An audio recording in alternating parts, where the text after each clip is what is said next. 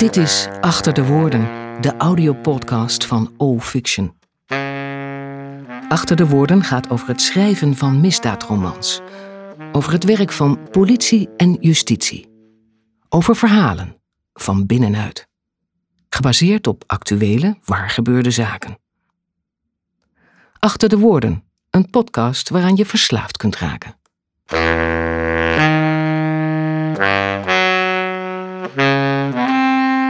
Ieder kwartaal publiceert Achter de Woorden een nieuw fragment uit de reeks Severijn en Govaert of een kort verhaal als voorstudie voor deze misdaadromans. Achter de Woorden doet verslag van persoonlijke ervaringen uit de wereld van politie en justitie.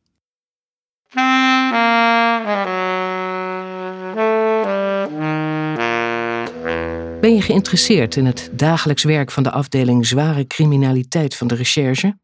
Wil je meer weten over het team ondermijning van het Openbaar Ministerie? Wil je voelen wat het betekent om te werken in de opsporingspraktijk? Abonneer je dan op Achter de Woorden via onze website allfiction.nl en laat weten wat je van deze afleveringen vindt. Zoek je contact? Heb je vragen, opmerkingen of suggesties? Kijk op allfiction.nl. Achter de Woorden, een criminele podcast.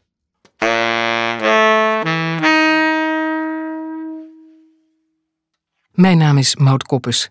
Je luistert naar aflevering 8 van oktober 2020.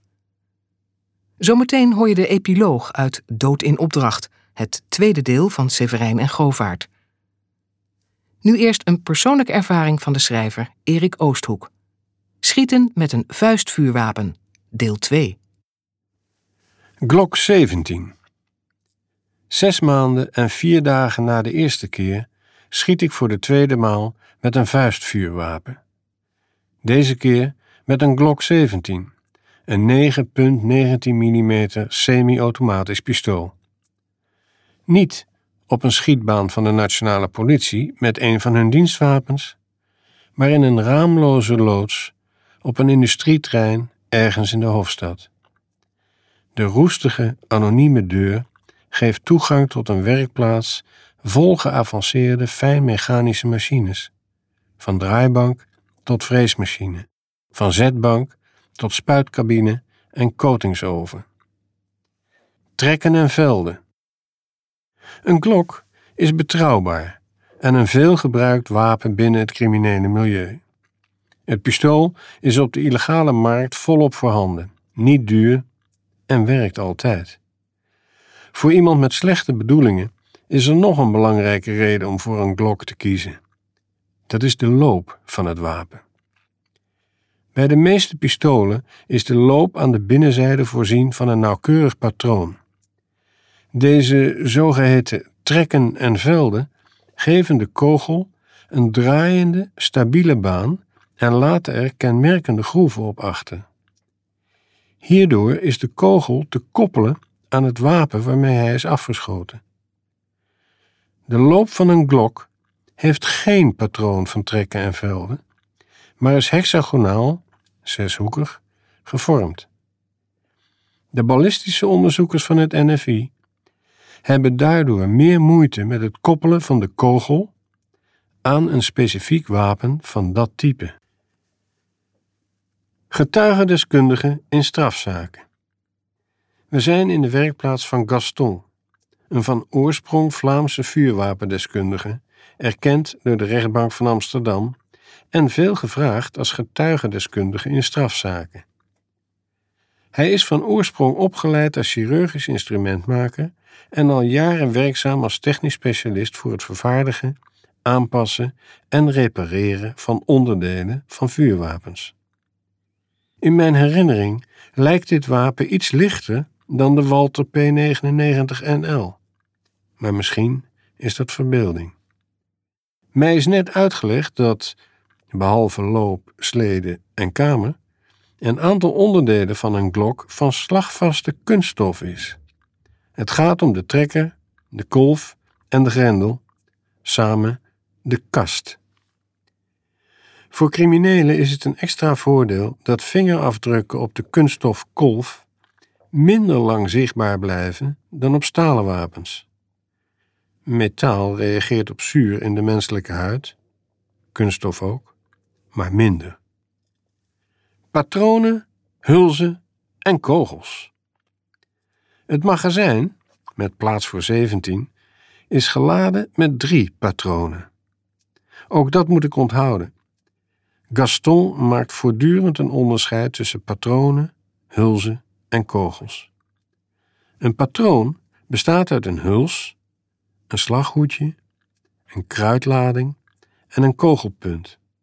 Een huls wordt tijdens het afvuren uitgeworpen en is meestal op de plaats delict te vinden. De kogel blijft in of in de omgeving van het slachtoffer achter. De drie knallen galmen in de kleine ruimte lang na. Ditmaal schiet ik niet op een bewegend beeld van een man met een bivakmuts, maar steek ik de loop van het pistool in een met kunststof afgewerkte trechter.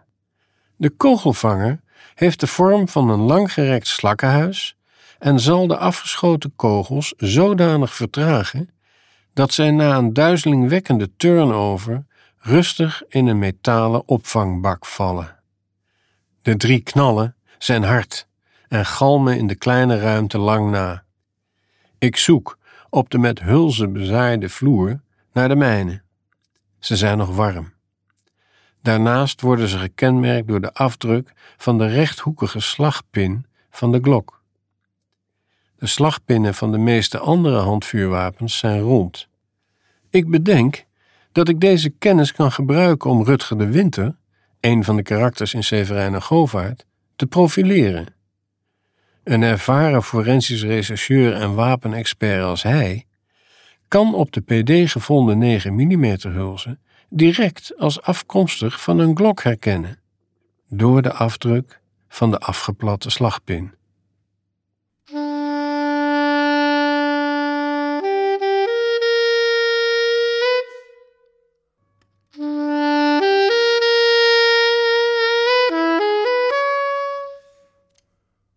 En dan nu de epiloog uit Dood in opdracht, het tweede deel van Severijn en Govaert.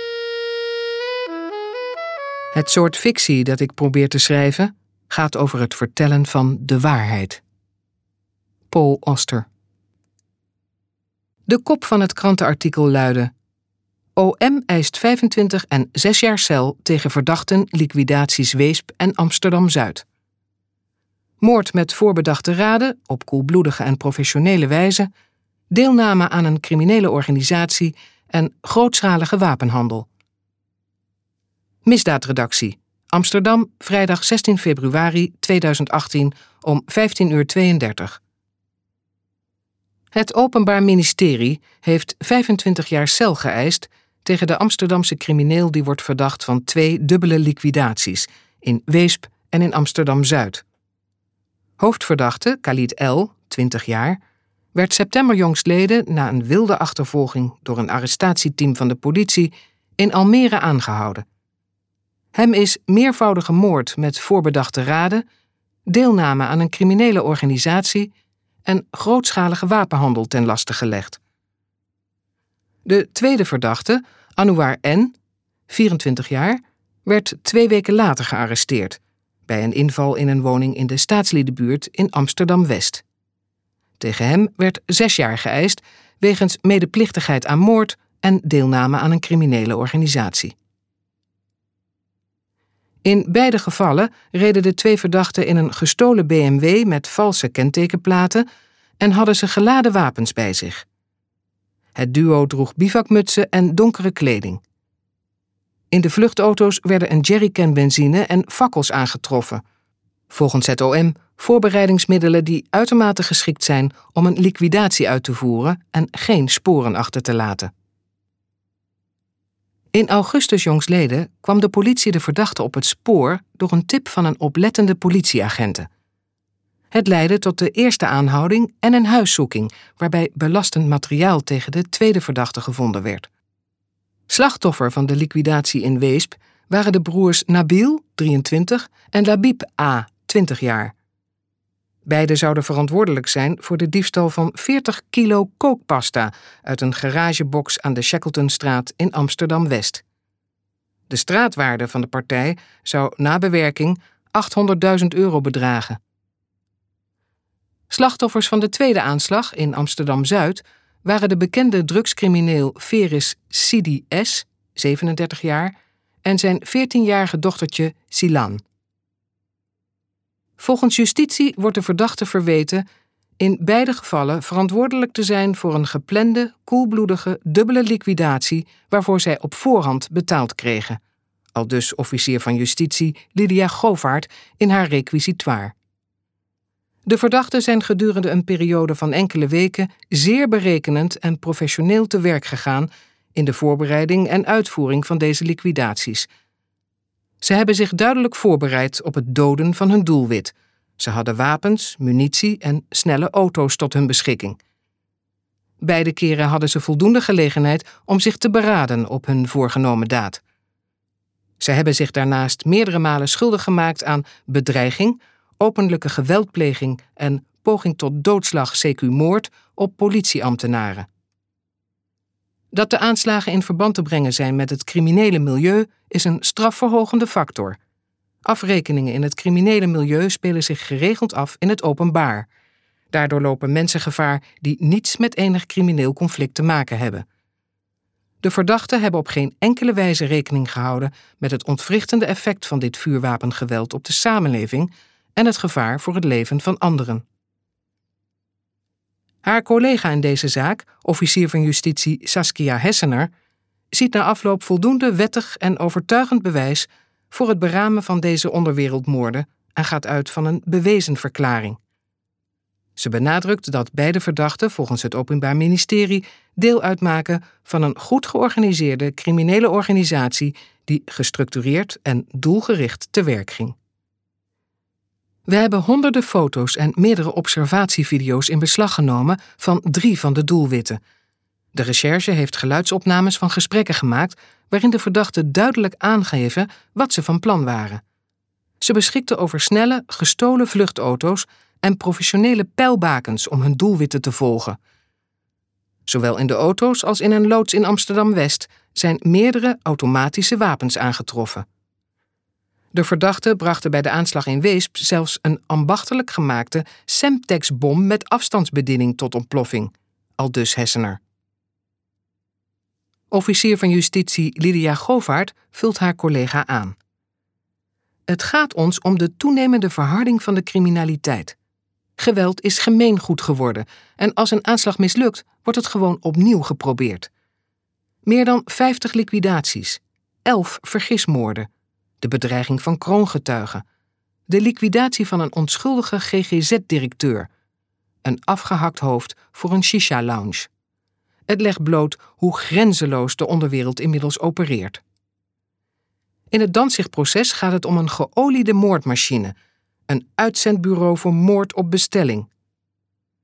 Bij een van de zoekingen is een administratie aangetroffen waarin de opdrachten aan dit moordcommando werden bijgehouden. Dat notitieboekje alleen al geldt als een zware bewijslast. Ze glimlacht vermoeid. Wil je nog meer hard bewijs?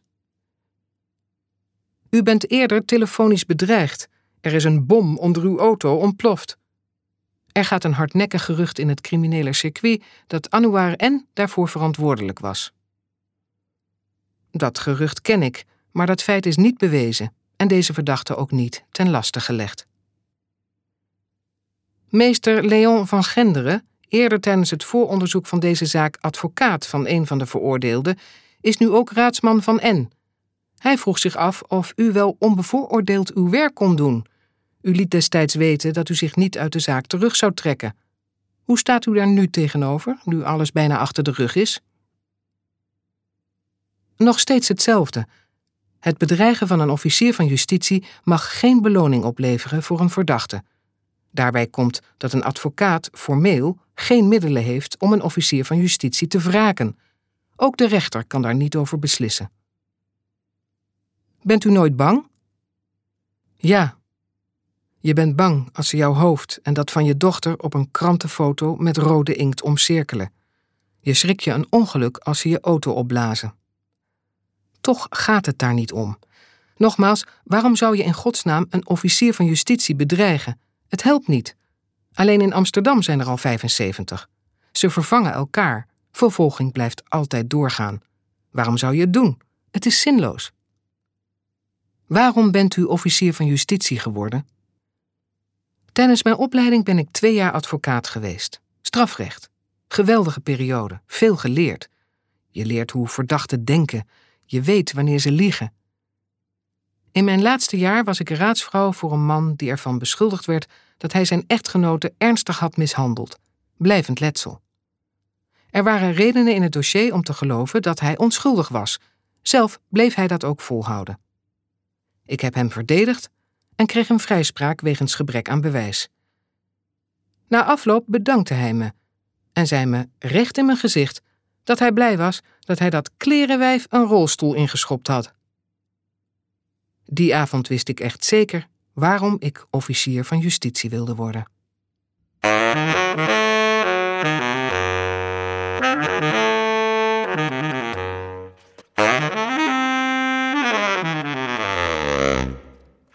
Je luisterde naar Achter de Woorden, de audiopodcast van O-Fiction. Op saxofoon Gerrit-Jan Binkhorst. Mixage Mark Meewis. Dit was het voor nu. Tot de volgende keer. Fictie werkt. Telkens weer.